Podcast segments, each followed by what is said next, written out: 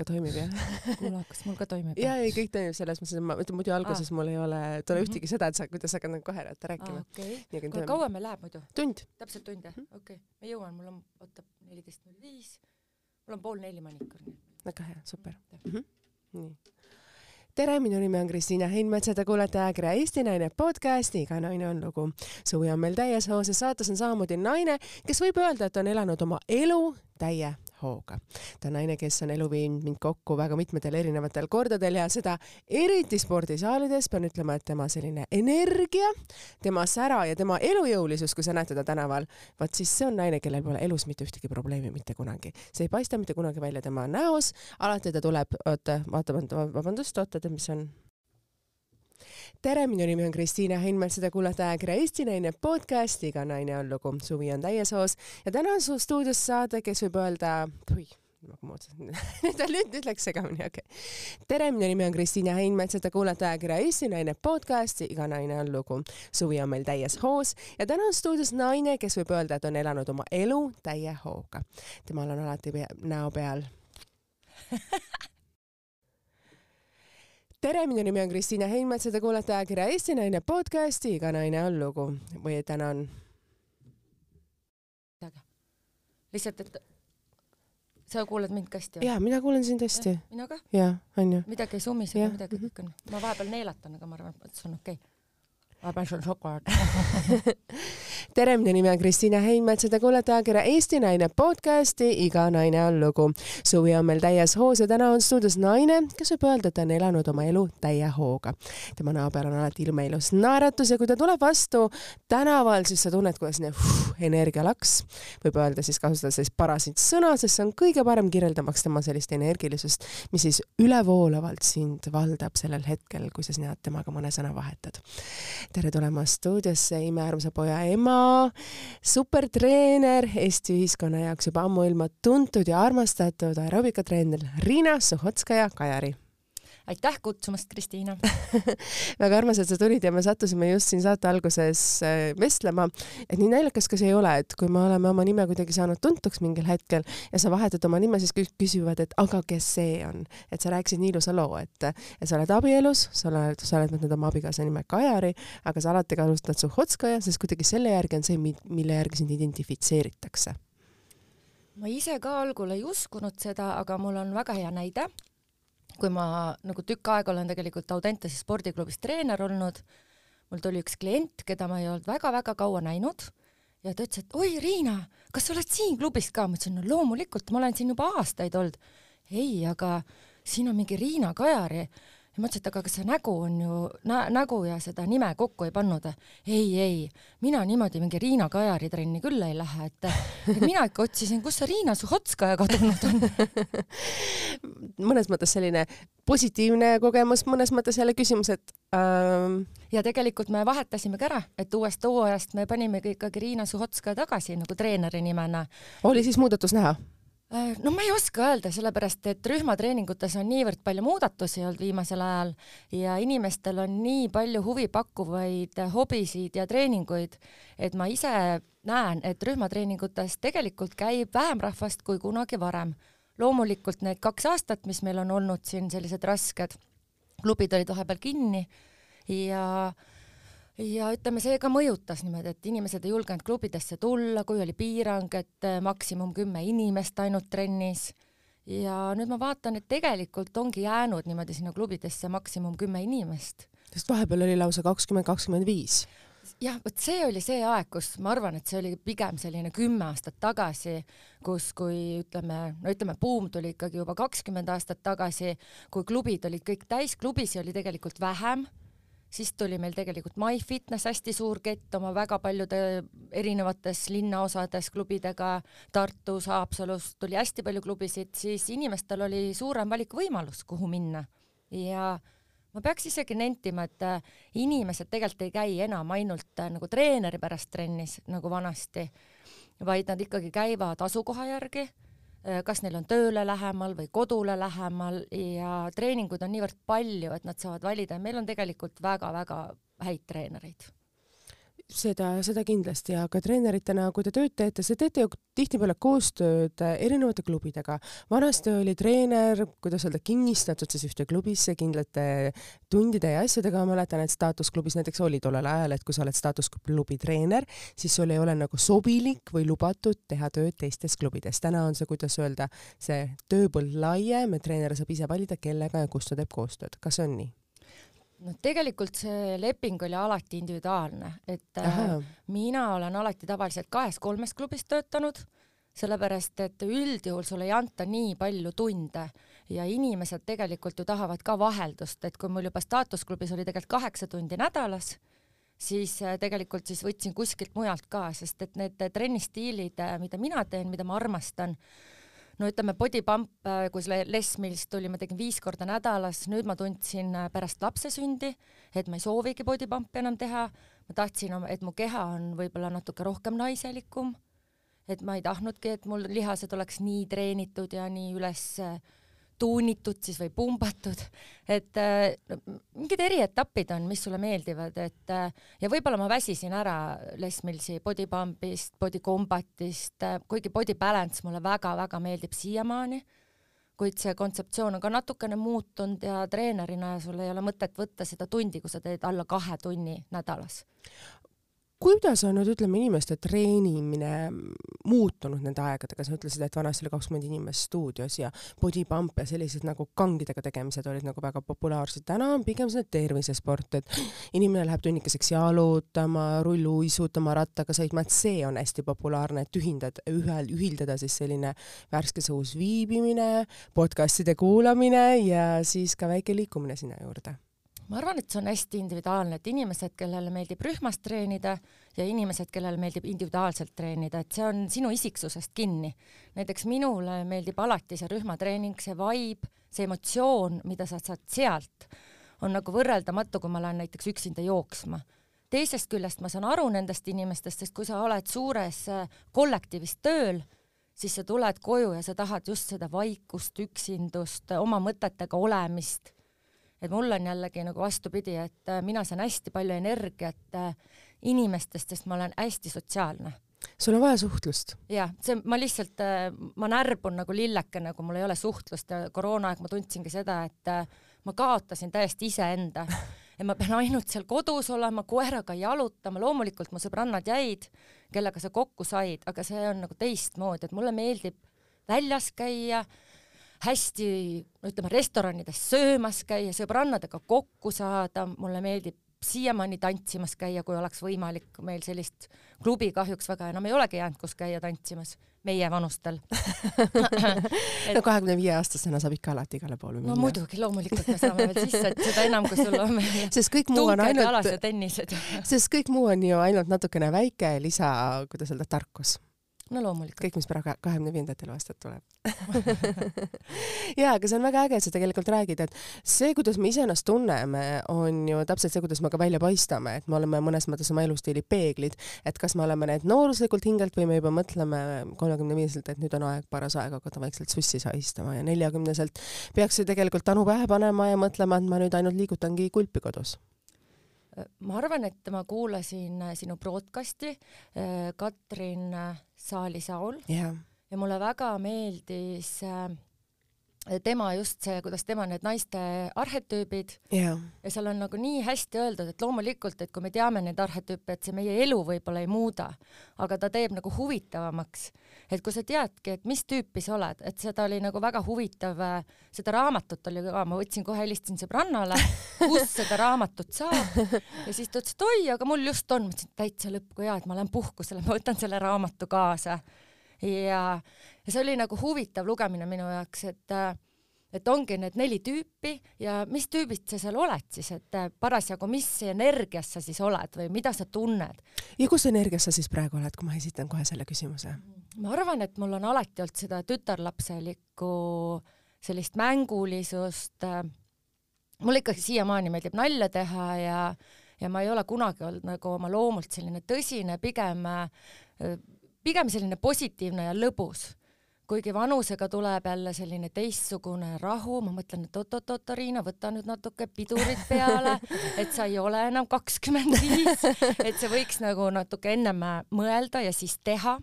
aga me üldjuhul ikkagi mõtleme, ma olen hästi spontaanne inimene, et kuigi jah, et selles mõttes, et iseseisev ja kahe jalaga maa peal ma olen küll olnud ja ma ikkagi mõtlen tagajärgedele aga kui sa oled noor, et noh, kui sa kogu aeg pead nagu mõtlema, mida teha ja kuidas teha või, või nagu ma ütlesin ka oma mehele, et ma ei ole malemängija. et äh, ma ei suuda mõelda, ma ei tea, seitse käiku ette, ma ütlesin, kui ma juba kolm käiku ette mõtlen, siis on minu puhul juba väga hästi sa oled nii, sa nii ausalt ilusasti üles tunnistad, sest meil on väga midagi ühist, et, et äh, on elus olnud perioode, kus sa pead emana mõtlema kõik need seitse käiku ette ja seitseteist käiku tegelikult ette, sest äh, elu nõuab sul seda, aga elada oma elu selliselt, et sa ei pea kogu aeg planeerima või sa kuidagi paned selle ühe osa oma elust planeeringute alla ja teise osa lihtsalt lased nagu minna sellele, et see on nagu midagi, mida mina olen näiteks alles viimase kolme aasta jooksul õppinud. ma arvan, et mul on seesama, et aga sportlasena loomulikult, äh, kuna ma ju kuusteist aastat tegelesin kergejõustikuga, siis äh, tegelikult sealt tuleb see distsipliin, distsipliin, sihikindlus, tahtejõud, äh, suhtlemisoskus, et sa, kui me olime võistlustel näiteks, et sa pidid, kui üksinda käisin, sa pidid julgema võõra inimese käest näiteks teed küsida, et praegu meil on jah Waze või või sa vaatad Google Maps, jah. Google Maps, et sa paned telefoni sisse, paned aadressi, sul on väga lihtne, sellel ajal ei olnud, sa pidid lihtsalt julgema astuda võõra inimese juurde, ütelda, et vabandust, et kus, kus see spordisaal asub. jah, et kus see staadion on ja, või kus see hotell on ja sa ei saanud olla nagu tagasihoidlik, aga noh, see jah, ei ole kahjuks minu voorus, tagasihoidlikkus et äh, aga ma arvan, et äh, kui sa tahad nagu tippsportlaseks saada, siis äh, või ka treenerina praegu, sul peab olema kõva hääl, sa pead olema tegelikult tahtejõuline, sul peab olema energiat, emotsiooni, sul peab olema see motivatsiooni edasiandmise oskus, et su inimesed, kes sul tulevad trenni, et nad lähevad tegelikult sealt nagu parema tujuga koju. ja minul alati see toimib, et kui ma olen nagu väsinud või ma olen kurb millegi, millegipärast ma lähen trenni ja nagu see muusika hakkab mängima, ma suudan ennast nagu kokku võtta ja, ja ma tunnen kohe, kuidas energia voolab mu kehasse, mu nagu veri pulbitseb, süda hakkab nagu löögid kiirenevad ja ma näen neid inimesi seal trennis, et see tagasiside alati on mulle oluline, ka negatiivne tagasiside vahest on, noh, see viib elus edasi. aga see annab mulle nii palju juurde ja pärast trenni ma tunnen alati, et ma olen jälle seal oma tasakaalus et vahepeal, kui ei saanud trenni teha, ma tundsin, ma kaotasin nagu iseenda ära, mu enda isiksuse, sest see on alati nagu üks osa minust, see trenni tegemine. kuigi ma praegu ütlen, et äh, keegi ei usu, et ma tegelikult teen suvel ainult neli-viis trenni nädalas. seda polegi ju nii vähe tegelikult. aga noh, tööna, et kui sa mõtled, et see on ikkagi töö on ju sulle sissetulekuallikas ka aga teisest küljest, äh, kui ma praegu saan lubada endale seda, et ma saan olla ka kodus ja, ja saan üheldada ka selle töö, mida ma armastan, sest äh, see viis trenni nädalas, esiteks ta annab mulle positiivsed emotsioonid, ma oma töö erialalt ei kaota oma professionaalsust. Ja, ja kolmandaks siis ma hoian ka ennast vormis tegelikult kogu aeg. et ma ei pea väga palju mõtlema ja noh, ma ütlen, et ma olen selles mõttes väga tänulik või noh, oma geenidele, kui nii saab öelda, et ma geneetiliselt äh, on mul ema-isa poolt, et ma ei ole pidanud kaaluga kunagi nagu võitlema kaalu pärast, et pigem mul on tänapäeval vastupidi, et ma peaks paar kilo juurde võtma. Ja ei olegi niimoodi, et see on nii kerge. et samamoodi, et on raske alla võtta, aga raske on ka juurde võtta inimestele, et nüüd ma saan ka nendest naistest aru, kes on näiteks anorektilised, et neil ongi seda kaalu lõpuks las-, raske juurde võtta, et see ei ole ka kerge võitlus tegelikult sa tulid nii, alustasid seda juttu nii ilusatest nendest äh, naise erinevatest arheotüüpidest. palju on sinus kuningannalikkust, et see on ju tegelikult, mida me noorena ei mõtle ja siis, kui me saame vanemaks, kui me oleme juba ka selleks emaks olemise, perenaise olemise mõnes mõttes juba oma elus ka läbinud ja siis me alles tegelikult, mõne, mina olen vähemalt jõudnud sinna faasi, kus ma tunnen, et ma olen nagu päris naine, et enne seda kuidagi oli nagu ettevalmistus kõik selleks. Ma arvan, et äh, mul on ka see tunne tulnud, et äh, noh, see kuninganna minu sees lööb välja just see, et noh, mis naiselikkuseks, naiselikkus ei ole, ei ole ju tegelikult kehakuju ega kehakaal, vaid see naiselikkus ju tuleb meie enda seest, kuidas me tunneme, kas me tahame olla, kas me ei taha olla. Ja ütleme selle kuninganna olemisega mul mõnikord just see, et ma saan teha seda, mida ma tahan teha, ma saan võimaldada endale asju, mida ma võib-olla noorest peast ei saanud. Ma saan äh, võib-olla rohkem nüüd reisida, nautida võib-olla ja see kuninganna on ka see julgus avaldada oma arvamust. absoluutselt. et äh, kõigil meil on oma arvamus ja ma ei võta enam äh, see on ka minu õppetund, et ma ei võta kõike enam isiklikult ja kui mm -hmm. sa mhm. tunned, et keegi sind nagu ründab, vanasti ma kohe võtsin nagu kaitseasandi, siis nüüd ma mõtlen, et huvitav, aga mis sellel inimesel on, et ta mind niimoodi ründab, et äkki tal on endal mingi suur mure ja seda ümber pöörata hoopis, et mitte niimoodi, et ta ründab, et miks ta mind solvab praegu, aga et see oskus on, praegu ma õpin seda õppetundi, et äh, ära võta neid asju isiklikult absoluutselt. et loomulikult, äh, kui meie lähedane inimene ütleb sulle midagi solvavat, et no umbes, et äh, kuidas noh, ma ei tea, sa täna näed selline välja või, või kuidas sa seda ei oska või kuidas sa nüüd arvutis hakkama ei saa, et kuidas sa nii rumal oled, siis me ikkagi võtame seda isiklikult, sest ma olen ise hästi tundlik, hästi emotsionaalne ja ma tegelikult oma sõprade puhul ka ikkagi, ma ei saa olla nagu külm, kui mu, mu sõbrannal, parimal sõbrannal on just nagu midagi halvasti või ta on kurb et ma ikkagi proovin aidata, et mitte niimoodi, et noh, et kui on halvasti, lase jalga ja kui on kõik hästi, siis sa oled mu sõber, noh.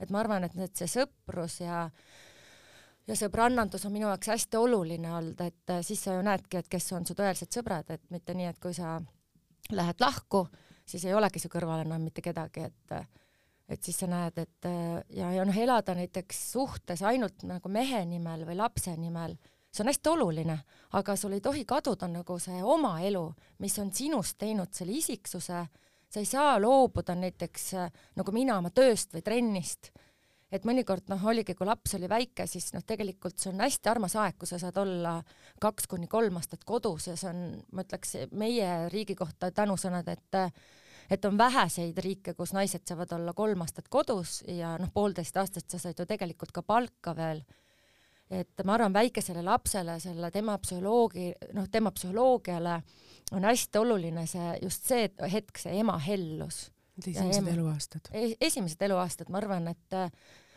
et me saame sellest hiljem nagu teada, et, et kas me peame kohe nagu jooksma siis tööle. aga loomulikult teha paar tundi mingit enda jaoks tööd, mis sulle rahuldust pakub ja natuke olla seal arvutis, mis sul on vaja teha, aga see nüüd, sellepärast sa ei ole nüüd halb ema, et sa nüüd läksid kohe tööle. see on tegelikult privileeg omada sellist ametit, et sul on võimalik jätkata oma pere, oma lapse ja oma tööalus. et kui see on see tasakaal, mida sina oled nüüd aastatega enda jaoks välja kujundanud, et et kui sa tunned, et midagi jookseb nagu kuidas öelda, niimoodi kreeni natukene, mis on see, mida sa leiad iseenda jaoks, nagu vaata, paljude jaoks on meil sport või lugemine või reisimine, siis noh, sport on sinu töö. Jaa, kindlasti on see, et nagu ma ütlesingi, et ma kaotasin natukene koroona ajal iseenda, sellepärast et mu nagu töö kadus, ma hakkasin ka mõtlema, et aga mis oleks siis see teine eriala, mida ma nagu võiks teha. Mm, -hmm. et trenne ma enam tõesti kahte-kolme trenni ma päevas enam ei sooviks teha, sest ma tunnen, et mu keha äh, isegi ütleme vaimselt, emotsionaalselt ma nagu suudaks, aga nagu see füüsiliselt äh, ma tunnen, et ma ei soovi seda enam teha. et sellest ühest trennist päevas noh, ütleme, kui on vaja kedagi asendada või aidata, et seda ma hea meelega teen, aga aga rohkem ma ei soovi, siis ma nagu panin ennast nagu fakti, et aga mis mulle siis veel meeldiks teha.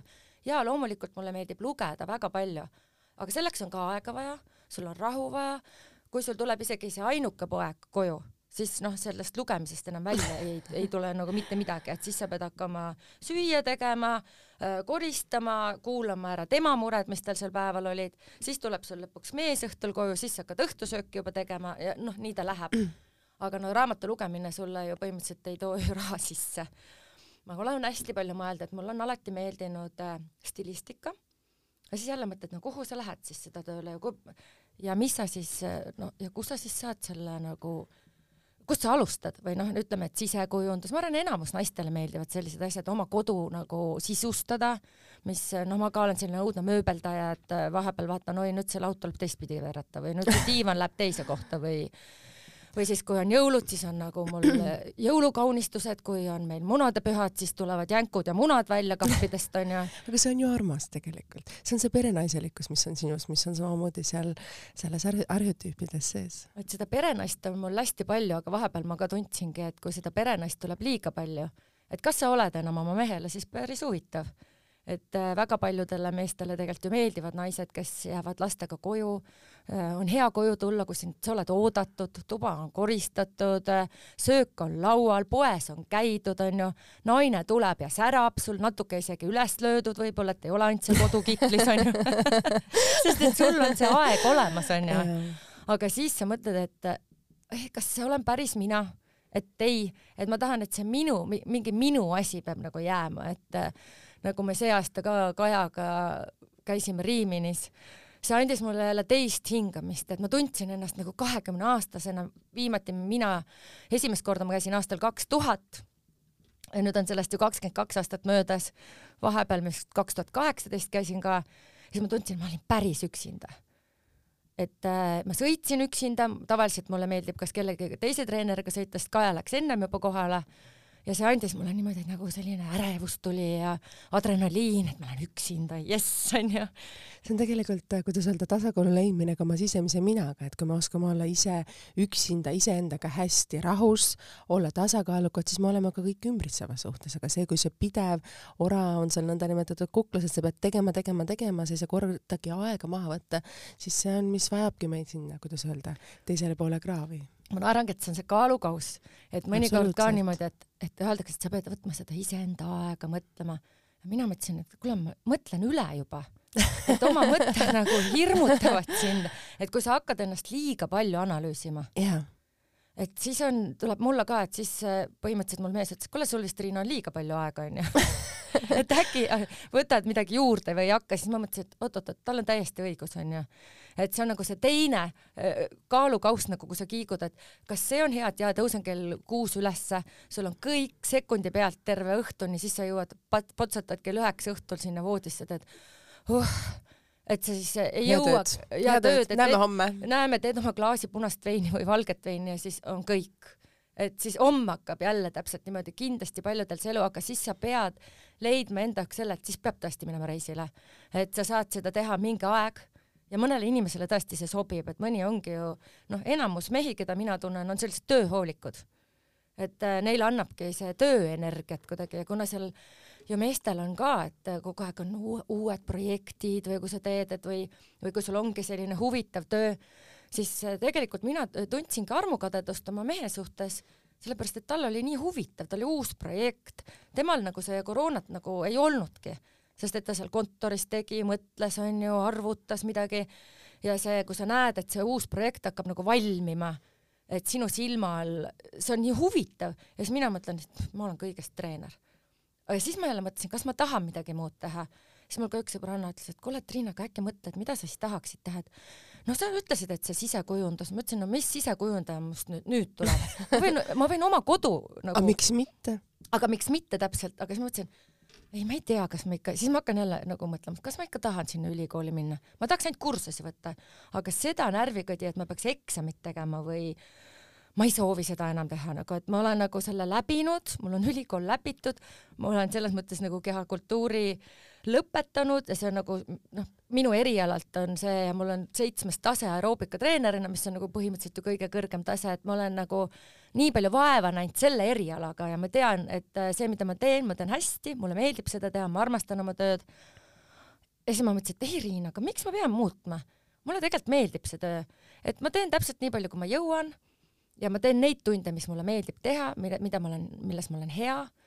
Aga loomulikult sealt äh, rutiinist väljatulek on ka hästi oluline, et äh, ma ei ole väga tantsutaustaga, sest kergejõustik, aga ütleme, kas sumba nüüd ei ole, ma ei ole päris sumbatreener, aga Itaalias ma käisin sumbatrennis ja noh, tõesti nautisin seda tantsimist seal.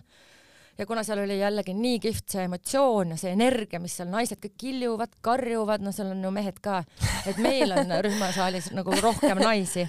et mõnikord ma nagu tunnengi, et mul on. elad vales riigis et äh, vales riigis, aga mida ma tunnen, et mul on just hästi palju seda naisenergiat mu ümber, sest ma töötan naistega. ma arvan, et äh, no pooled äh, Tallinna naised on kindlasti mu trennis käinud, kui ma kuskile lähen, siis ma jälle vaatan, oi kui tore, kes on arstiks saanud vahepeal, kes on õpetaja. noh, ma tunnen neid inimesi väiksest peale, põhimõtteliselt nad olid ju ka kaheksa, seitseteist, kaheksateist, kui me alustasime. koos koos ja nad tegelikult paljud käivad endiselt mul trennis, nad vahepeal kaovad ära, kas keegi kolib näiteks teise linna või teise riiki aga alati tulevad tagasi. ja kui nad tulevad tagasi, siis mul on nii suur rõõm neid jälle näha ja siis nad ütlevad, oh, kuule, sa oled ikka samasugune, et mingit vahet ei olnud, onju. kas see oli nüüd nüüd või kakskümmend aastat tagasi, et, et sa ei muutugi või? see on ju kõige parem kompliment, mida me saame naistena üldse muidugi, aga siis ma tunnen, et, et ma tahaks äh, nagu seda meesenergiat äh, ka saada kuskilt, et äh, sest et noh, kodus ongi mul kolm meest põhimõtteliselt, mees, poeg ja koer on ka isane onju. ja mõtlesin, no sealt, aga no see ei ole päris see, et mõnikord ma ja tunnen, et ja mul on nagu tõesti vedanud ka oma sõbrannadega, kes on nagu mind nagu õpetanud, äh, juhtinud no nagu praegu on see hea sõna, et mul on siuksed väekad naised ümber, et mul ei ole olnud sellist väga kadedaid minu ümber, võib-olla noh, mitte keda sa ei tunne nii palju, et sa tead, aga mul sellised lähedased naised on nagu väga kihvtid äh, naised ja ma ei. sa oled hea inimeste tundja. aga ma ei alavääristaks ka nüüd äh, Eesti mehi aga mehed on meie elus väga olulised ja, ja ma, ma ka ei, minu meelest ilma meesteta on kurb maailm aga ilma naisteta oleks minust veel kurvem aga, aga naised kuidagi, Eesti naised, no nad lihtsalt on imelised. Nad jõuavad, nad teevad, nad äh, on, väga paljud on ikkagi ka iseseisvad ja nad teevad tööd, mida nad armastavad, nad julgevad muuta oma elu. et sa ei jää nagu sinna, noh, täpselt siin ühte arhetüüpi sa ei jää nagu nugrutsema, et mul on nagu sellised tugevad ja me võimegi vahepeal nõrgad olla sest ega seda, vabandust väljenduse eest, ega siis noh, munadega naine ei ole ka kerge olla et, et see on ka oma tüüp, eks. aga, aga leida endas see inimene, kes sa tahad nagu olla see on keeruline protsess ju tegelikult, et sina oled vist selle tänaseks läbinud, nagu ma saan aru, et ma mõtlengi, et mis siis ongi sinu jaoks need põhiasjad? et ennast tasakaalus hoida no minu jaoks tasakaalus hoidmine tegelikult on ikkagi noh, algab tegelikult sellest äh, ka isiklikust elust, et su isiklik mm -hmm. elu on korras, seal tuleb ka tõusud-mõõnad, see on nagu okei okay,. see on üks osa elust lihtsalt. et vahepeal on tõus, vahepeal on mõõn, et, äh, et sa pead sellega hakkama saama. et me ei saa olla nagu sada protsenti kogu aeg armunud. noh, see on võimatu, kui sa oled pikas suhtes. aga neid armumisi tuleb ikka ette ju ka oma mehega ja vahepeal on ka siuke tunne, et no natuke võiks kägistada ka, et kuidas saab selline olla. ma arvan, et see annab mulle stabiilsuse, et kui sul on kodus kõik korras. et sul on keegi kalju kõrval. jah, et sa ei ole päris üksinda, et see noh, minu jaoks on see oluline, et su lapsel on kõik korras et äh, vahest me emadena ju muretseme selle tuleviku pärast, ikka me mõtleme, et noh, ma just mõtlen, et tast tuleks nagu iseseisev inimene, et ta saaks hakkama, et ta oleks õnnelik ja kuidas ma oskan teda aidata sellel teel, sest et äh, nagu ma praegu ka lugesin oma sõbranna raamatut, esimene raamat on kaheksateistaastane tütarlaps, aga ta kirjutab juba nii nagu elutargalt, et see on nagu minu jaoks uskumatu, et väga avatult oma esimesest armumisest, oma esimesest armastusest. ja, ja seda oli nii tore nagu lugeda, et, et tänapäeva ühiskonnas on, noh, neil on rohkem neid võimalusi no võib-olla tõesti need broadcast'id kõik, nad saavad arvutitest, nad saavad nagu küpsemaks kiiremini kui noh, kui mina näiteks, et tänu spordile jaa, ma sain kiiremini, aga kuidagi see noh, eks nad on saanud reisida väiksest peale, neil on võimalusi hulka rohkem, kui meil on olnud, aga õnneks, õnneks oleme nüüd ka meie saame ju nüüd reisida ja teha kõike, mis me soovime. milline oli sinu lapsepõlv? Mida sa mäletad oma lapsepõlvest, et teinekord, kui me ju, eriti siis, kui me saame emaks, siis on ju see, et me hakkame mõtlema tagasi oma lapsepõlvele, mis on need väärtused, mida me kaasa võtame, et et sealt on nii mõndagi, mida me teinekord tahame kaasa võtta, nii mõndagi, mida võib-olla me hea meelega jätamegi mälestustesse, et milline oli sinu lapsepõlv? Äh, mina arvan, et äh, minu lapsepõlv oli väga õnnelik, et äh, ma elasin, ma sündisin Tallinnas ja me elasime Mustamäel ja mu vanemad elavad siiamaani Mustamäel, nemad ei ole korterit vahetanud, nad elavad siiamaani seal. mu ema-isa on nüüd järgmine aasta täitub neil kuuskümmend aastat abielu. Wow.. ja mul on kuidagi selline see, ütleme, see eluterve perekonnamudel on nagu sealt nendelt tulnud. Ja neil on ka selliseid väikseid ütlemisi olnud ja kuna mu isa poolt siis äh, ma olen selle temperamendi saanud et äh, ma võin olla selline hästi rahulik, rahulik, aga kui mul ikkagi see pank saab täis, siis noh, sealt tuleb kõike, mis tulla annab. sinus on ju Ukraina verd? Äh, minus on siis, äh, noh, ema poolt on saarlane, saare naised on ju ka teada, sellised väekad ja jõukad ja tugevad naised.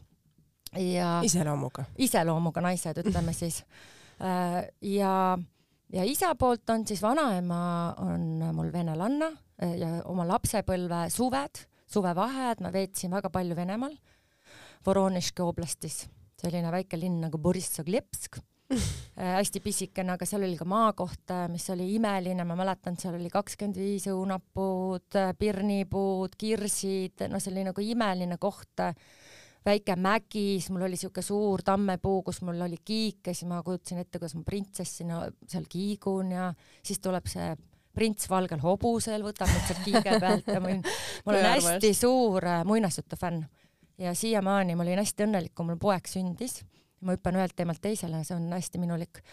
kui mu poeg sündis, mõtlen jess, ma saan hakata nüüd multifilme käia kinodes vaatamas, nii et me vaatasime temaga põhimõtteliselt kõik need animad ära, mis äh, kinodest tulid see on tegelikult hästi huvitav, et äh, me mingiks periood, mingil perioodil oma elus unustame teatud asjad ära ja ma mäletan, mina nautisin, ma väga vabandan, liivakastis mängimist oma lapsega esimesega nautisin, teisega juba väga, väga enam ei tahtnud, kolmandaga eelistan mitte et see ongi vaata need etapid meie elus. täpselt, mis on, jäävad nagu sulle selliseks nagu hea emotsioonina ja sa tahad seda kuidagi korra kogeda ja kui sulle antakse ametlik luba seda teha, siis no miks mitte ja, ja siis ütleme niimoodi ja siis vanaisa poolt siis on Ukraina verd, aga kuna mu, ma, mu vanaisa suri noh, niimoodi, et teisel maailmasõjal ja mina temaga nagu kokkupuudet ei omanud ja me elasime ikkagi nagu Eestis, siis Ukrainasse meile sugulasi minu teada nagu pole jäänud, sest et isa poolt me noh, väga vähe nagu suhtlesime, aga kui ma käisin aastal tuhat üheksasada üheksakümmend seitse Kiievis siis see oli hästi kummaline äratundmine, et see on nagu minu teine, nagu teine koht, kus ma võiksin elada. sest ma nagu, miks? ma ei oska öelda, nagu ma sealt lennuki pealt maha tulin. sa tundsid, et sa oled kodus? jaa, see oleks nagu teine kodu, et Eesti on number üks ja see on ka huvitav, et kui ma lähen Saaremaale, siis ma tunnen ennast nagu kohe koduselt. Hiiumaa üldse ei meeldinud. no kuskohast see tuleb siis, et need juured, no me räägime juurtest, no see ongi vist need juured, aga samamoodi Venemaaga Moskvas, Peterburis ma olen käinud hästi palju Venemaal, üldse ei tekkinud mitte mingit tunnet, et ma tahaks seal elada. võib-olla jah, Venemaalt, kui ma mõtlen, et praegu küll see ei ole nagu aktuaal-, noh, see teema, aga Peterburg mulle siiamaani väga meeldib, et ta on ajalooliselt lihtsalt niivõrd ilus linn. aga Ukrainas, noh, tõesti see Kiiev mulle ka meeldis, ta oli nii roheline ja inimesed mulle meeldisid, nad olid nii sõbralikud kuidagi, noh, et seda, seda ma tundsin küll, et, et seal võiks elada ja ma olen muidugi ääretult kurb. et see, mis praegu toimub seal, et äh, ma tõesti tahaks, et see lõpeks ära, nagu kõik tahavad, et äh, ma arvan, et tavalised inimesed tahaksid ikkagi rahu. et äh, väga loodan, et see lõpeb, aga noh, see ei ole meie võimuses lõpetada see on jah teema, mida ma lahkasin siin ühes podcastis seoses ühe ukrainlannaga, kus ta rääkis päris oma otse, ots-, kuidas öelda, otsestest emotsioonidest ja neid hetki, kui tal pisarad olid silmis, oli väga suur osa saatest. mõningatel hetkedel ta ei suutnud ka lauseid moodustada. kui sa said emaks, mis olid need väärtused, mida tahtsid oma lapsele kaasa anda, sa ise ütlesid, et sa tahtsid, et ta oleks õnnelik, sa olid väga õnnelik, et sul on just poeg, aga sa said ka noh, ütleme emaks veidi vanemas eas, et sul väga paljudel sõbrannadel olid juba lapsed, et mis olid need esimesed emotsioonid, mis sind nagu valdasid, et ta on ju mõnes mõttes nagu selline kullatükikene sinu jaoks, et ta on sul, kuidas öelda, nii oodatud, ta on nii armastatud, ta on nii ihaldatud sul, et ta on nagu võib-olla teistmoodi, kellel on, kellel on kuidagi öelda, need lapsed on olnud elu osa juhtunud kindlasti on naise jaoks emaks saamine üks hästi oluline muutus elus. sellepärast, et kuni sinnamaani. Ma olin ju ainult iseendaga. Ja ma elasin, mul olid elukaaslased ja, ja selles mõttes ma olen alati lapsi tahtnud, ma kogu aeg unistasin, et vähemalt kaks last, poiss ja tüdruk pidid kindlasti olema, sest et mul on vanem vend. aga kuidagi aeg läks ja kuna minu elukaaslased ei soovinud lapsi, aga minu nagu üks äh, mitte põhimõte või mu soov oli alati see, et laps on nagu tahetud perre et see on nagu ühisprojekt, et see ei ole ainult nagu minu projekt, et ma ei oleks kujutanud ennast ette nagu üksikemana. loomulikult meile mitte kunagi keegi garantiisid ei anna, aga vähemalt see, et sa oled nagu õnnelik rase, et see laps on nagu oodatud. et see oli minu jaoks kuidagi hästi oluline, ta andis mulle teistmoodi rahu. teine asi, kuidas sündis, no seda emotsiooni on ju raske kirjeldada, see on samas naisele, see on nagu nii valus kogemus aga teisest küljest, kui see laps ära sünnib, see on nagu üks no ma ei oska öelda, see on nagu ime. no see on nagu, jah, et see on nagu ime, noh, tegelikult see lapse sünd on ime. Ja, ja kõige tähtsam on ikka igale ühele, et see laps on terve ja kui sa seda noh, tead, et tal on kõik korras, onju, et see, kas on tüdruk või poiss, lõpuks ei oma ju nagu mingit noh, jah, see ei oma tegelikult tähtsust. kõige olulisem ongi, et lapsega ja, oleks kõik hästi ja kõik kulgeks ka pärast mm. -hmm. kas ei ole naljakas, me tihti mõtleme, et me oleme oma lapse ootel ja nüüd see laps sünnib ja siis, kui see laps pannakse sulle käte peale, siis mõtled, aga edasi no mul tegelikult oli võib-olla see natuke reaktsioon, sest mul ei ole kunagi olnud väiksemat õde ega venda mm,. no sama siin. ma ei osanud nagu selle lapsega algul, noh, kõik, kõik ütlevad, et noh, ema instinktid ja, ja need olid mul nagu tasakesi et äh, ma natuke nagu kartsin, ma mõtlesin, no täpselt nagu nukukene, et oi nüüd kukub, läheb katki või ma ei julgenud talle üle pea mingit podi panna või siis mul see sõbranna ütles, et, et podid on kõige paremad, siis on need hõlmikud, sa tegelikult ei tea nagu mitte midagi, ma käisin küll kursustel enda jaoks, et äh, ennast nagu kurssi viia, aga see on nagu nii teistmoodi. Aga see emotsioon on ikkagi tänapäeval, et kui su mees on ka su kõrval, kui see laps tuleb ja sa näed nagu mehe silmadest, ka seda armastust, mis see, moment nagu on, et sellised asjad nagu ei unune sul nagu mitte kunagi.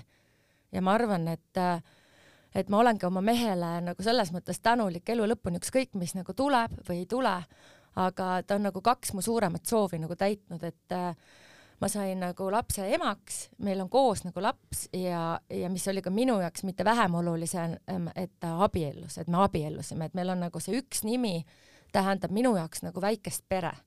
et see nagu ühendab kuidagi seda pere, vaid see on, no ongi need traditsioonid, kus perest sa tuled. nagu minu vanemad olid abielus, noh, ema võttis ju isa perekonnanimi, nime, et ma ei oleks kujutanud ette seda, et ma oleks enda nime jätnud. et see kuidagi see mehe nimi oli mulle ka nagu oluline just sellepärast, et kui me reisimegi et äh, mis mõttes, et mina olen nüüd siis Preili Suhotskaja ja Mister Katšari või Kajari ma naasin ja siis on meil laps onju, et kelle laps see siis on, et kui poeg on ka sul nagu Kajari onju, et ma ütlesin, et ei, see on nagu minu jaoks hästi oluline, et see kuidagi ühendab mind ja see abiellumine andis mulle just selle naiselikkuse, et ma olen nagu naine, et ma olen nagu ihaldatud, tahetud, et nagu noh, minu jaoks on nagu abiellumine, see on nagu armastamine et kuidas me keegi võrdleme millegiga siis on ju, et see on nagu minu jaoks tähtis, et nagu mees pühendub nagu perele ja minu jaoks, et ta nagu abiellus minuga. kuigi mõnele tänapäeval ei ole see nii oluline, aga ma arvan, et see on sealt taustast, kust mina olen pärit, et see oli nagu, see on nagu väärikas mees. Minu jaoks tähendas pere, nagu abielu nagu pere, pere loomist või selles mõttes, aga ma kunagi ei teadnud, mida ma abielult tahan ma arvan, ma olin hästi noor ja mul ei olnud veel nagu iseendas selgusele jõudnud, et kes ma olen või mida tahan, mis on minu jaoks oluline. et ma hüppasingi see pea ees vette ja siis mingil ajal avastasin, et oot-oot-oot, aga mina eksisteerin ka siin kuskil, et see on vaata erinev, et et selles mõttes, kui vanemas eas abielluda, siis on kindlasti need enda väärtused, kes sa ise oled olulisem, mitte olulisemad, aga sa juba tead ja sa oskad neid ka, nende eest ka seista. jaa, aga see ongi huvitav, et kui ma olin kakskümmend, siis ma alati mõtlesin, pulmad tulevad sellised, et mul on kõige ilusam valge kleit, kõige pikem valge loor ja kõige ilusamas mõisas onju. ja, ja et mul tuleb vähemalt sada inimest sinna pulma, et me pidutseme kolm päeva järjest onju, on tants ja trall ja tagaajamine. ja nüüd, kui ma vanemast peast abiellusin, ma ei soovinud seda enam. et pigem ma soovisin seda aega, et ma saan oma mehega kahekesi olla. et me tegime hästi vaiksed pulmad, loomulikult äh, lugupidamisest oma vanemate vastu ja mehe vanemate vastu. me kutsusime vanemad, vennad, noh, meil ongi ainult vennad-õdesid, meil ei ole, nii mehe poolt kui minu poolt ja siis äh, me läksime lihtsalt ilusasse kohta sööma. tegi, lasin endale ilusa meigi teha, äh, ostsin hoopis teist värvi kleidi, mitte valge mm., vaid lõheroosa hoopiski ja ma tundsin ennast väga kaunina, võtsime fotograafi, mul on nagu pildid mälestuseks ja meie pojakene oli siis äkki aasta kaks kuud. ja, ja siis ma sain anda oma poja nagu emale kolmeks ööks ja me läksime Pariisi, see oli minu jaoks nagu eluunistus äh,. romantilisem see moment mm. -hmm. et kuigi eluunistus oli ilusast suurest pulmast, aga vaata, see muutub ja see moment ma tundsin, et ma tegelikult äh, tahan pidu endale mm, -hmm. mitte nagu sõpradele teha vaid äh, just see, et me saame kahekesi olla Pariisis, jalutada, käia söömas, juua šampanjat, sul on nagu magad nii kaua, kui tahad, sest sul ei ole seda väikest last enam onju. tean, mäletan neid hommikuid, kui sa esimest korda kaua magada ei tahtnud üles tõusta kohe üldse. ja kui sa ütlesid, mis muutus, see oli minu jaoks kõige raskem, need hommikud, sest ma olen äh, selline magaja et minul on tõesti antud elus seda, et ma peaks ka siiamaani, mulle meeldib üheksa-kümme tundi magada ja mu laps siiamaani tahab minust vähem magada, ta sündis, tahtis minust magada ja praegu ta tahab ka minust vähem magada. Ja siis ma mõtlesin, kuidas mulle siis nüüd sealt ülevalt poolt selline laps anti, et ma magaks temaga iga lõuna, põhimõtteliselt oli meil niimoodi, et ta magas nelikümmend minutit ainult lõunal. kui ma mõtlesin, ma pesen ruttu need nõud ära, et noh, kõik oleks ikka korras, et lähen tema kõrvale ja juba ta ärkas, ma mäletan, issand, mul kohe tõusis nagu see vererõhk onju, ma ei saagi jälle magada, et ma tahan magada. Ja ta öösiti tõusis tõesti kolm-neli korda ma olin nii kurnatud lõpuks, et äh, noh, aga ta on selline, mis ma teen siis, ta on hästi tundlik poiss mul, hästi emotsionaalne, aga mida ma tahan, siis mu mees ütles, et tahtsid puhki saada, said, nüüd ta ongi sul küljes aeg kinni, et et selles mõttes, et ole oma mõtete ja oma ütlemistega nagu väga ettevaatlik, sest need võivad täita minna, noh, täide minna, onju. Olen sinuga absoluutselt nõus, ma mäletan, mina kasvasin väga suure osa oma emaga kahekesi. Ja täna ma olen olukorras, kus ma olen ise oma tütrega kahekesi. Ja kuidagi see on minu jaoks nii loomulik ja minu tütre jaoks täpselt samamoodi, et see, et me oleme kogu aeg koos või noh, tal on siiamaani probleemiga, et ta läheb kuskile, peab ööseks ära minema, sest ta õhtul ikka nutab, me jätame küll need nutud küll sinna autodesse ja viskame akendest alla, aga tal ikka tuleb see pisar veel täna silma, kui ta on ikkagi kuue poole aastane, et et kuidagi see harjumus olla koos emaga on nii suur, nagu sa ütlesid, sul pojal. No,. Et lapsed on väga erinevad. meil ongi, meil ikkagi poiss kuni kümnenda eluaastani ka, ega ta väga ei olnud nõus kellegi juurde ööseks jääma, et noh, vanaema juurde, aga siis oli tal ka ikkagi see, et noh, siis kui me tulime, see oli ka kas reedest pühapäevani, et meil väga ei olegi mehega olnud sellist puhkust, et me nädal aega oleme kahekesi, et meil on alati laps puhkustel kaasas olnud.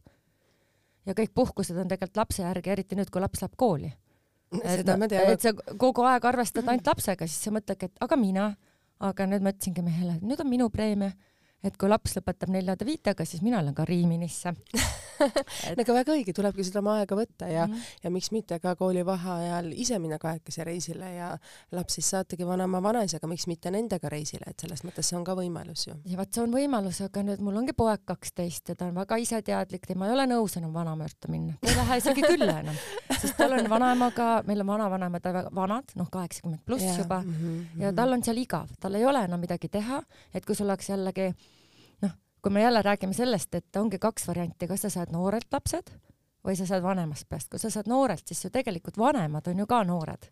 Ja nendel on ka rohkem energiat. et mu ema näiteks ei julgegi enam tulla meie juurde, sest ta ei saa hakkama pliitidega. ta ei, ta ei oska näiteks mul sõnumeid saata, et tal on nagu teistmoodi generatsioon. Ja ma ei saa ju noh, selleks mõttes teda halvustada selles mõttes, et see ongi tema. Ja kui ta kardab, ma ei pane talle sellist kohustust või nagu no isegi pesumasinat. Ta ei pane, sest see tema jaoks on liiga mehaaniline kõik noh on ta on harjunud teiste asjadega ja teise ajastu te,, teise ajastuga. milline oli su ülikooliperiood, et kindlasti see kultuuriteadust õppida ülikoolis. Väga äge aeg, pole spordiala, mida ta läbi ei pea tegema, mulle siiamaani kunagi keegi rääkis, kuidas talvel tuli uisud panna, siis tuli balletiking kohe jalga panna, siis pan-, tuli panna see kaheksasendine võistlustantsuking ja hüpata. et see oli päris koormav kehale, et mida sa ise mäletad sellest perioodist?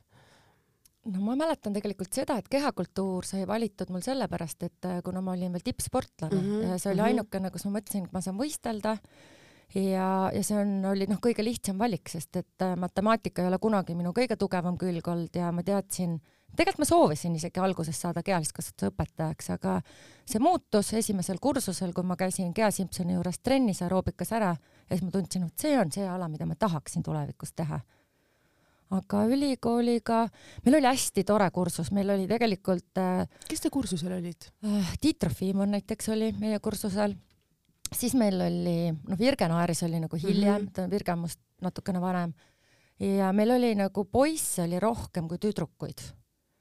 et äh, selles mõttes jah, meil olid purjetajad paar purjetajat oli meil ja meil oli tegelikult äh, hästi tore kursus, me tegime nagu need laagrid olid põnevad, kuigi mina ütlen otse, et ma olen vihkanud suusatamist, mulle no üldse talv on minu jaoks külm, kole, ma olen siuke soojalembeline, mulle meeldib päike, soojus. Aga noh, kõik tuli läbi teha mm. -hmm. ma mäletan, kui tehti videot ja ma sealt kuskilt mäe pealt kukkusin, siis äh, õppejõud ütles, et no nii, Preili Suhotska, siin on nagu muumimamma tehnikaga. ja siis mõtlesin, see mulle tegelikult üldse ei meeldinud, mis mõttes, et ma olen Eesti meister sajas meetris ja keegi ütleb minu kohta muumimamma et korraks oli selline solvumine, aga ei, see oli väga tore aeg ja, ja lõpuks ikkagi ma tundsin, et ma läksin eksternatuuri, et ma teistega ei lõpetanud, et ma lõpetasin üheksakümmend kuus. Mhm, sest ma tahtsin tööle minna, et ma tahtsin mitte sõltuda oma esimesest äh, elukaaslasest, sest see oli kuidagi minu jaoks nii raske, et kui sa tuled kodunt ära üheksateistaastaselt, hakkad elama kellegiga koos ja sul ei ole nagu oma raha, sest tegelikult sa õpid ju ülikoolis ja vanematelt nagu ka ei sobinud küsida ja kuidagi hakkama saada on väga oluline. elukaaslaselt äh, küsida ka kogu aeg raha oli minu jaoks nagu imelik, et äh, siis ma mõtlesin, et ei, et ma võiks ikkagi tööle minna ka. ja, ja päris mis mõtlen, oli su esimene töökoht, kus sa läksid? esimene töökoht oli mul tegelikult Stockmanni müüja, sest see Stockmann oli siis äh, Viru hotellis seal all mm, -hmm, siis oli vahepeal mm -hmm. Sogos ja nüüd on ja, see ja. teised kõik keskused ja ma tahtsin tegelikult spordiosakonda saada, sest et äh, mul oli juba sponsor, riiete sponsor, et ma teadsin nagu Nike'i asjadest kõike Adidasest, et ma olen nagu eluaeg spordiriideid nagu jälginud ja mul on alati meeldinud ka sportides noh, käia siis äh, iga hooaeg ikkagi uus spordivarustus, et see oli minu jaoks nagu hästi oluline, et olla kursis, mis on spordimood et see on ka aega võistlustel, ei ole päris niimoodi, et sa lähed ükskõik mis trikooga sinna. no Eesti koondisega on nagu lihtne, et siis sul on nagu koondise riided seljas, aga ütleme, et aga kui, vaata kui huvitav on see, et mõni armastab kingi, mõni armastab kotte, mõne jaoks on olulised need suured uhked kleidid, mõnel on vööd muud asjad. sa ütled, sul on, mul on spordiriided, iga aasta uus kollektsioon, väga äge ju. no isegi kaks korda, ütleme siis, et sellepärast, et on sügis, talv ja kevad-suvi et, et selles mõttes mul oli Adidas oli ju kaheksateist aastat sponsor, nii et mul oli see võimalus olemas, et noh, see oli tegelikult päris hea sissetulek sulle juurde, sest sa ei pidanud spordiriideid ostma. aga ikkagi sa oled ülikoolis, sa teed tippsporti ja ikkagi sissetulekud on nii väiksed, kui sa ütled, et sul oli sponsor juba tollel ajal, et sa pidid ise tööle minema, et raha teenida. see on ju päris keeruline, sul on ju, sa ei tege, sa ainult ei õpi ja ei tööta, vaid sa teed ju ka tippsporti, see on ju teine töökoht. no sportlased äh, selles mõttes väga, noh, me ei saanud niimoodi stipendiume rahaliselt, et meil olid võib-olla talongid mäletan, mul oli vist isegi, olime seitsmes-kaheksas klass, siis mul oli mingid seitsekümmend rubla, mis oli päris suur, mu ema palk oli, ma mäletan siis kas äkki sada rubla. Mhm, aga sa ei saa seda rahas, vaid sa said seal sööklas nagu söömas käia longidega. aga kuna mul oli ema ju selles mõttes alati kell kaks juba kodus, mul oli alati soe toit kodus iga kord, kui ma koolist tulin, oli mul ema juba söök, supid, kotletid, hakkliakastmed. vaata, kuidas me mäletame seda, et ma tulin koolist koju ja mul oli soe söök ootamas. vaata, mis meile lastele meeldib mm. -hmm ja, ja loomulikult siis ma õppisin, ma läksin trenni ja trennist tulles oli jälle ema süüa teinud, et äh, ütleme, et see toitumine ongi minu jaoks äh, selles mõttes hästi lihtne olnud, kuna mul ongi olnud juba väiksest peale hommik, lõuna, õhtusöök, et mul seda kommet ei ole, et ma vahepeal näksin näiteks. et kui tänapäeval on, et see toitumis, no see on nii pikk teema, me ei jõua seda broadcast'i lõpetada, kui me hakkame toitumisest rääkima. aga ütleme, et see minu see, ütleme, tulebki see toitumine ehk regulaarsus nagu kodunt et praegu ma oma pojale ka nagu soovin, kuigi ta on täpselt nagu mina, ma ei söönud juurikaid, mulle üldse no lillkapsas on juba see, aga no brokoli oli kõige kohutavam asi minu jaoks üldse. ja mu poeg ka brokolit ei söö, ma ei armastanud kala, mis siis, et kui mu me-, noh, isa oli meremees ja meil kala nagu oli kogu aeg kodus, ma vihkasin kala.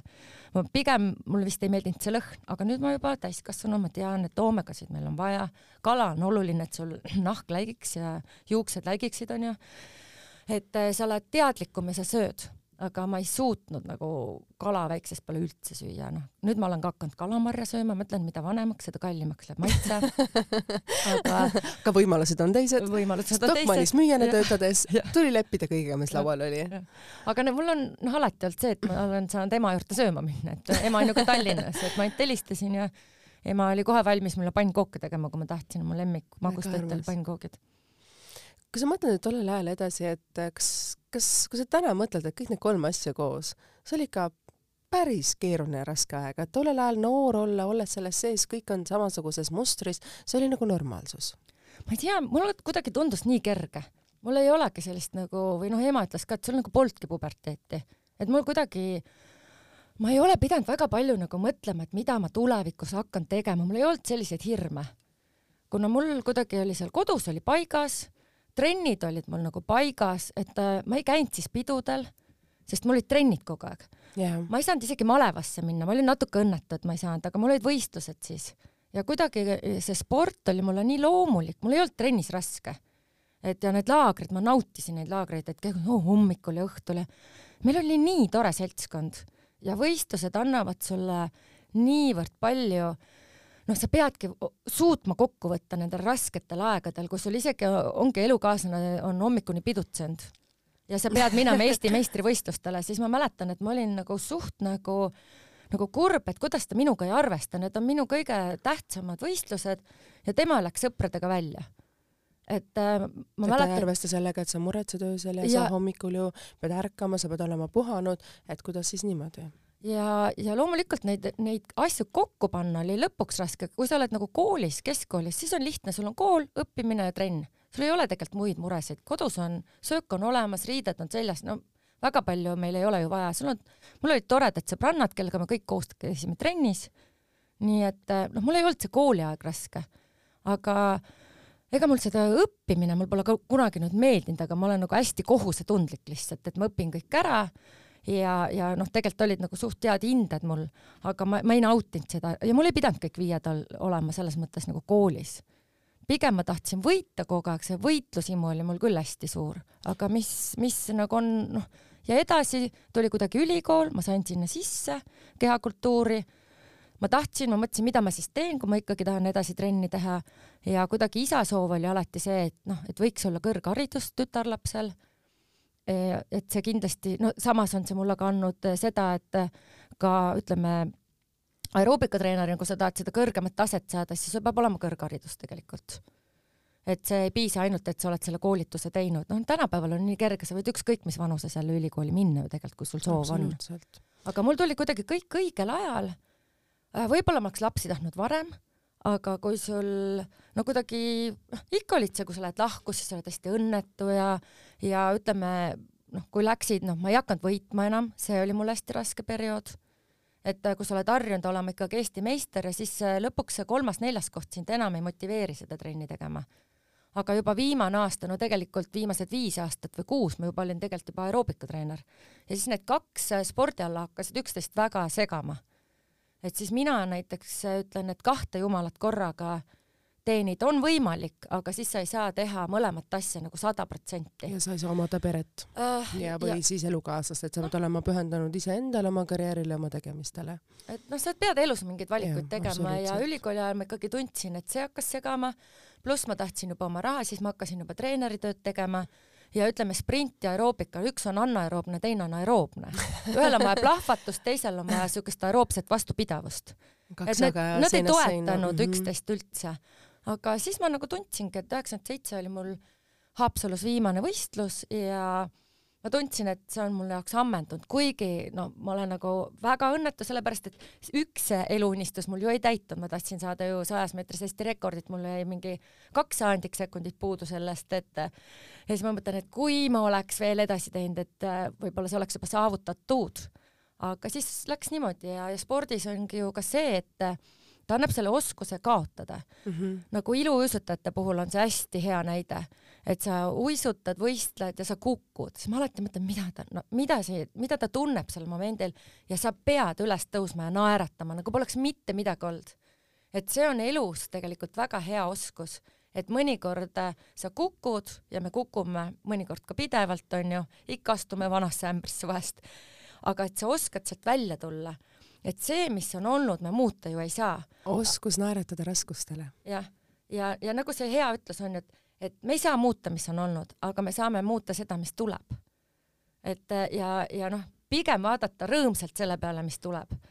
et, et raskused lähevad mööda sa nii ilusasti räägid nendest asjadest, et need äh, elu on, sul jäi küll see kaks sajandikku sekundit võib-olla sellest rekordist puudu, aga sa oled kindlasti teinud sportlasele midagi muud rekordilist Eesti televisioonimaastikul, et sa oled olnud ju nii paljude telesaadetega seotud, sa oled olnud teleekraanil, kuhu sportlased ju väga tihti ei satu. Nad ikkagi teevad oma spordikarjääri, lõpetavad, nad lähevad oma tavaelu või oma teiste rutiinide juurde, aga sina oled jäänud selles mõttes teleekraani peale, et kui need esimesed pakkumised tulid ja noh, need esimesed tööd, et mida sa nagu sellest ajast mäletad? no aga ongi, et iga asi viib millegini ja mina olen täna väga tänulik, et sest tegelikult minu nimi tuli ju kergejõustikust, et ma olen mm -hmm. mitmekordne Eesti meister, meie käes oli nelja korda saja meetri tõk-, mitte tõkke, vaid see teatejooksu rekord oli väga kaua mm. -hmm. ja, ja pärast seda, kui ma hakkasin aeroobikat tegema, ikkagi tänu sellele, et mu nimi tuli kergejõustikust, see oli juba läbi käinud siis äh, mulle pakkus, helistas Watson ja Watson, et nemad otsivad endale sellist äh, reklaaminägu, kes äh, oskaks teha, et, et see oli Lady Speedsticki nagu reklaamikampaania. see on siis deo-, deodorant, poisid veel narrisid mind, et kiire pulgatüdruk Lady Speedstick, noh, kuna ma olingi speed onju, sada meetrit onju, aga noh, ma ütlesin, teil on ikka ka naljad ja, ja siis nad otsisid, kuigi sellel ajal oli ju parimaid treenereid kui mina, sest ma olin alles suht roheline selleks ajaks. ma küll üheksakümne esimesel aastal tegin oma esimesed aeroobikatrennid mm -hmm. ja hakkasin vaikselt asendama, et ongi üheksakümne esimesest aastast, aga üheksakümmend kuus me siis filmisime ja see tegelikult olid siis esimesed äh, kuus, äh, me tegime kaksteist saadet esimesed nagu Terevisiooni ja peale mm -hmm. seda tegelikult läkski käima see aeroobika hommikus, kus hakkasid trenni tegema, et aga me tegime ette, et meil ei olnud siis nagu otse. sa oled olnud ka teiste telesaadetega, suurprojektidega seotud uh,? jah, ja, ja, noh, see ongi edasi läinud, vaata lumepall läheb veerema, et ma julgesin öelda jaa et mõnikord ma olen küll kahetsenud mingeid asju, sest ma ei tunne, et ma olen hea saatejuht ja ma olen pigem fotogeeniline, aga mitte telegeeniline. sest et äh, noh, kui keegi ütleb, ma olen kriitiline iseenda vastu, pigem me oleme kriitilised iseenda vastu, mina näiteks teistes naistes näen ainult ilusaid kohti, ma ei vaata nagu, ma vaatan üldpilti naises, ma ei vaata kunagi, et kas ainult silmad, ainult juuksed, ma vaatan kuidagi proportsioone alati. Ja minu jaoks ei ole, noh, täpselt selle keha kaalul et pigem kui ma näen, et sellel naisel silmad säravad ja ta on nagu endaga nagu rahul, mida ta teeb, kas siis ainult emana näiteks, et sa oledki õnnelik, et kuule, kus on kolm-neli last, no kuhu sa noh, veel teed tööd ka, no ma imetlen neid naisi, kes jõuavad seda teha. aga, ja need naised, kes saavad ka tööalaselt ennast nagu kuidagi välja elada, nad teevad seda, mida nad armastavad, see ongi või lauljad või näitlejad, nad on selles mõttes õnnelikud inimesed, et nad teevad ju seda, mis neile meeldib teha, kui paljudel meilt, meist on see võimalik, et selle üle ma olen nagu tänulik, et ma leidsin selle, aga kõik on tulnud lumepallina. ja siis jälle on kutsutud sinna, Pille Minev kutsus mind mingi Philipsi kampaaniale, kus me sõitsime üle Eesti ja reklaamisime mingeid tooteid seal. aga see oli jälle minu lisaraha, et äh, ma nagu, võib-olla on see, et see julgus võtta vastu isegi kui sa saad pärast kriitikat, et äh, ega kui ma esimese aeroobika video tegin, ma nutsin ikka patja kõvasti, sellepärast et äh, miks see? Mu hääl, mulle ei meeldinud absoluutselt minu hääl, see nüüd vanusega tegelikult mitte vanusega, aga just treeneri töös meil ei olnud ju algul mikrofoni mm, -hmm, et sa mhm. karjusid üle muusika. Need mu isegi klassiõed ütlevad, Riina, sul ei olnud ennem selline kähisev hääl. et see ikkagi tuleb nagu ametist sõltuvalt see. nüüd on muidugi õnneks mikrofonid olemas, et tänu sellele on kergem. mulle ei meeldinud mu hääl, siis kuna esimest korda ma tegin trenni mikrofoniga, mis sul külge pandi siis ma karjusin endast arust, saad aru, sa mõtled, sa teed ju kodus trenni, et sa ei pea nagu karjuma nagu, et joondu valvel ja nüüd äh, paremale-vasakule, et sa saad seda nagu teise häälega ka öelda. ja siis ma need huilked ja vuhuu-vuhuu, et no ma mõtlen, et oi, selliseid ma enam ei tee. et noh, et kas ma nagu noh, et, et me ju areneme edasi, et noh, nüüd, kui ma seda vaatan. see on ju armas no armas on armas, aga natuke piinlik on ka, et issakene, et selline trenn oligi või aga iga trenn, mis ma kolm videot kokku tegin üksinda, läks paremaks kogu aeg. kõige lemmikam mul on see Pädaste mõisas, no see koht on juba lihtsalt mm -hmm. nii mhm. ilus et äh, jällegi mul olid nii toredad äh, noh, Kadi ja Kristel, kellega me koos tegeme, on siiamaani mulle ju sõbrannad. et see oli jälle siuke töö ja vile koos, nagu ma ütlen. tegelikult telegeenilus on ju see, et kui sa lähed teleekraani ette, on palju asju, mida sa ei tea, et sa teed või sa hakkad tegema, mis on ebanormaalsed või ei ole osa sinust. et sind kuidagi nagu juhendatakse ja sa hakkadki nagu teiste juhtnööride järgi tegema ja kui sa ekraanil vaatad, mida ma olen ka ise teinud, sa vajud sõna otseses mõttes häbist maa alla, sest sa ei suuda seda vaadata, sest sa ei tea, et sa oled selline koomiline. ja teised võib-olla ei pane seda tähele. ei no aga... panevad teised ka tähele, sa paned ise ja panevad teised tähele, see on neil eriti piinlik. ja siis on eriti, aga minul on näiteks ka just teles on see, et noh, mõned ütlevad, no mis seal siis on seal nagu, aga nagu sul see kaamera tuleb, et ütleme, raadiotöö on natuke kergem minu jaoks. et aga tele, kui see kaamera tuleb, sul mõnikord ongi, sa lähed nagu nii lukku ja siis ma olen ka vaadanud, et täitsa lõpp, et ma hakkan silmi pilgutama. no et kuidas mul need silmad siis pilguvad ja pilguvad? ära korra silmi pilguta, teeme ühe väikse selfie. proovime mõnda, mõne teeme no vot, tehtud. nii et ärme siis silmi pilguta rohkem. aga sa ütlesid, et raadiotööd sulle meeldib rohkem, et kas sa oled teinud raadiotööd? ma olen lugenud klippe peale. aa, ja, ja, ja. et Tervise plussi ma lugesin vist aasta aega. No, iga kord, kui oli see nagu reklaam, et mis, mis on uudist näiteks ajakirjas, et äh, seda olen teinud. tervise plussiga ma olen nagu, me tegelikult kaua tegime koostööd, et me tegime neid harjutusi iga kuu oli keegi erinev treener, et eh, noh, see oli treenerile ka huvitav väljakutse, sellepärast et eh, kuidas sa paned ka terminoloogiliselt seda kõik kirja, see on ka oluline, et see ei ole lihtsalt, et sa teed pildi, aga ütleme, professionaalne treener siis peab oskama ka õigeid väljendeid ja terminoloogiat. kui sa juba tõid äh, jutu selle treenimiseni, siis kuigi ma peaks saadet praegu lõpetama, me läheme täna üle aja, sest ma tahaks teada, mis on need viis harjutust, mida me peaksime suvel iga päev tegema, kas rannas või kodus või, või, või ütleme, leidma selle aja, et mis on need viis harjutust, mida sina professionaalina soovitaksid?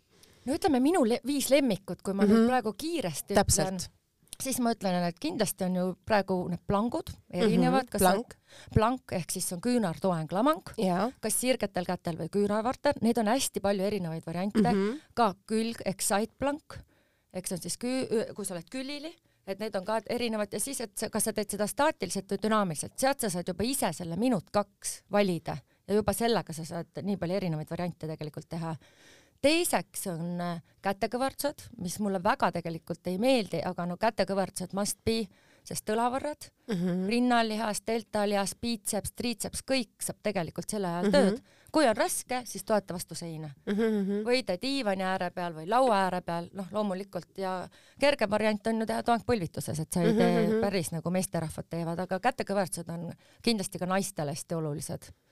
ja kükid ma isegi ütleks kolm harjutust, millest täiesti piisab, et äh, kükke sa saad samamoodi teha mm. -hmm algseisus, hargseisus äh,, täpselt samamoodi sa saad teha baleriinikükke ehk pleesid mm. -hmm, see võtab, see võtab rohkem sul reie lähendajad mm. -hmm. sumokükid, mis on nagu sügavam natuke ja ka laia hargseisuga ja kõik nad tegelikult ju treenivad reielihaseid ja tuharalihaseid. nii et äh, kui sa tahad natuke, noh, mina teen näiteks tõesti oma keharaskusega, mulle meeldib teha ja mm -hmm. noh, mhm. triitsepsi kätekõverdusi on ka hea teha, sest et noh, kes naised ikka tahavad ju, et õlavars oleks nagu toonuses, et nii et kallid kuulajad, pange kõrva taha need kolm harjutust äh,.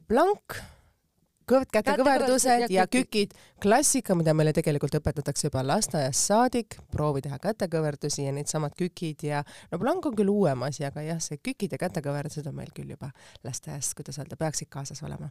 aitäh teile, kallid kuulajad, et olite selle tunnikese minuga, aitäh, Riina, oma energiast pakatavat naeratust ja mõtteid ja erinevaid elusündmusi jagamast meiega, aitäh sulle, Riina, et sa tulid siia saatesse ja suvi on meil täies hoos, naudime seda, ilmad on meil imeilusad. ja, ja minu poolt siis ka aitäh kõigile, kes kuulavad meid ja mõelge positiivselt, olge rõõmsad äh, ja liikuge ja vaadake, mis te suhu pistate väga õige sest no sooja ilmaga ikka jäätis.